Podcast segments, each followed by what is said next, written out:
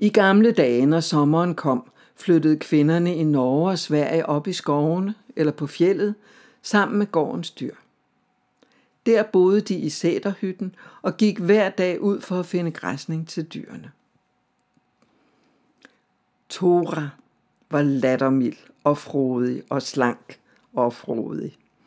Og når hun kaldte på sine dyr oppe på sæteren, så rejste folk hovedet og lyttede, fordi det lød så smukt. Man lyttede på bjerget, i skoven og i dalen, smilede lidt og fortsatte så med sine gørmål. Men der var to, som ikke kun lyttede. De rejste sig over ende, og deres ben begyndte ligesom af sig selv at gå efter lyden, indtil de tog sig i det og stansede op. Den ene var Jonas, den anden var præsten. Jonas brændte tjære oppe på bjerget, og når han havde et ærne i dalen, gik han ind om sæderhytten, hvor de gamle kvinder gav ham kernemælk og drikke og en bid ost at tage med. For de holdt af ham, som de fleste gjorde det, for Jonas var stærk og hjælpsom og frygtelig genert.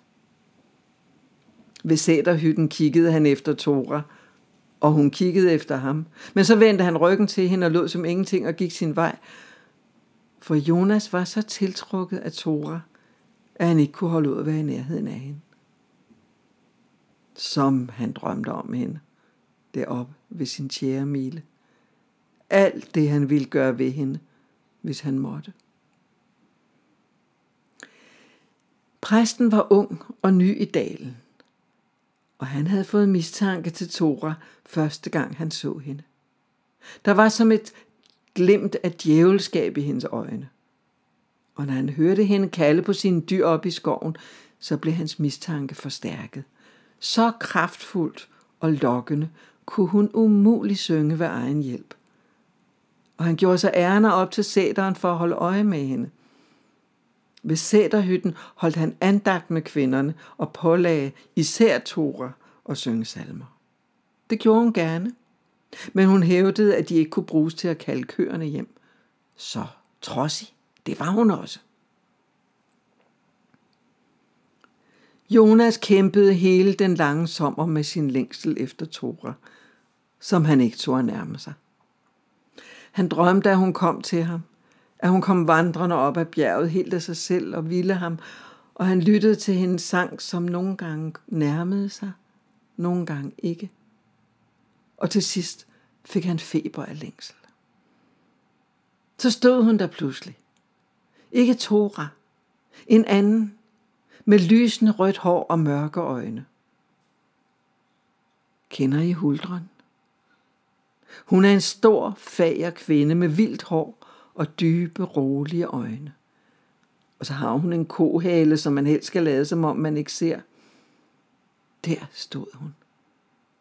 Jonas glåede, og huldren lå med en latter, der var dyb som en kobjælle. Jonas kunne siden ikke rigtig huske, hvad der var sket. Men huldren blev hos ham. Vist kun i nogle dage, men for Jonas var det, som om de levede et helt langt liv sammen i fortryllelse. En morgen vågnede han og huskede Tora, og han bad huldren om at gå sin vej, så han kunne være menneske sammen med menneske. Huldren gik. Et øjeblik så hun sig tilbage over skulderen med sorg i sine mærkelige øjne. Og Jonas stod tilbage, tynget af skyld. Så gik han ned ad bjerget til sætterhytten, og der, styrket af sin nye viden, mødte han Toras blik over kernemælkkoppens kant. Da hun smilede, smilede han tilbage, og han var glad, da han løb hjem ad den aften. Men pludselig stod huldren og spærrede ham vejen. Gå med dig, sagde han til hende, men hun lå med sin dybe latter, og han forstod, at hun aldrig, aldrig ville give slip på ham. Hvor fortvivlet og desperat kan en mand blive, som er kommet i troldtøjsgarn. Jonas kæmpede med sig selv og med huldron, og så var det, at han med en sten slog hende for panden, og hun sank i knæ foran ham med et mu. Og Jonas så, hvad han havde gjort. Præsten havde besluttet at tage Tora i forhør, så en dag opsøgte han hende i skoven. Hun sad på en skoveng i middagsheden, alene med sit strikketøj, mens køerne lå omkring hende og tykkede drøv. Hun rejste sig og nejede, da han kom ind i lysningen. Hvad vil I mig? spurgte hun og var bange.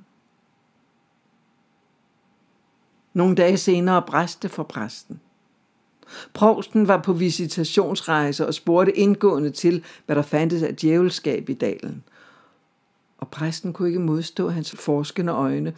Jo, jo, der var en pige med vilde øjne og en nærmest dyrisk klang i sin stemme. Hun kunne malke sine køer på afstand. Det var hørt før, sagde provsten. Jo, fortalte præsten. Hun havde en kæp, og når hun stak den i et hul i et træ, så kunne hun malke med den. Hun havde selv indrømmet det, og han havde forlangt at se det, og så havde hun gjort det.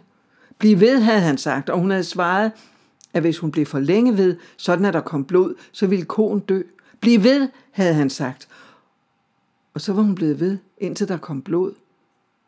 Og samme dag havde man fundet en død ko på bjerget. De ventede på Tora, da hun og de andre sætterkvinder kom ned i dalen for vinteren. Foden, to af hans knægte, provsten og præsten. Der blev holdt offentligt forhør på grønsværen foran kirken, men Tora ville ingenting indrømme. Så skulle der holdes strengt forhør, og knægtene fandt kniptænger og tommelskruer frem. Men der stod Jonas frem og ville tale. Han sagde det, som alle vidste, at den døde ko havde været en kvige, og sådan en kan ikke engang fanden mælke. Han sagde også, hvad alle tænkte, at den grimme kæp, som Tora havde skulle malke, den sad mellem præstens ben. Og han sagde det, hvad alle ved, at mennesker ser troldtøj og djævelskab alle vegne uden for sig selv, for at undgå at se, at de selv er syndige stakler. Foden knep øjnene sammen og vejrede folkestemningen. Han gav sine knægte et tegn, som fik dem til at slippe, hvad de havde i hænderne, og stille sig med skrevne ben og se truende ud. Provsten og præsten var begge tungnemme. De udtrykte sorg over, at Jonas for de ord måtte brænde sammen med Tora, og fattede ingenting, da foden gik bag om Tora og puffede hende hen imod dalfolket, som stod alt for tavse. De opslugte deres Tora, som vand sluger en kastet sten, og trådte ligesom et skridt frem. Ingen kom til skade den dag. For foden var en dygtig mand. Dalfolket blev ved med at være en tålmodig menighed, som passede deres kirkegang om søndagen, når de havde tid til det. Og præsten holdt sine prægner og holdt sig til dem.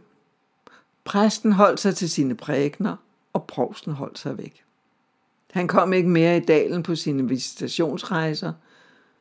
To sang så det gjaldede i skoven og i dalen, og hun og Jonas levede lykkeligt til deres dages ende.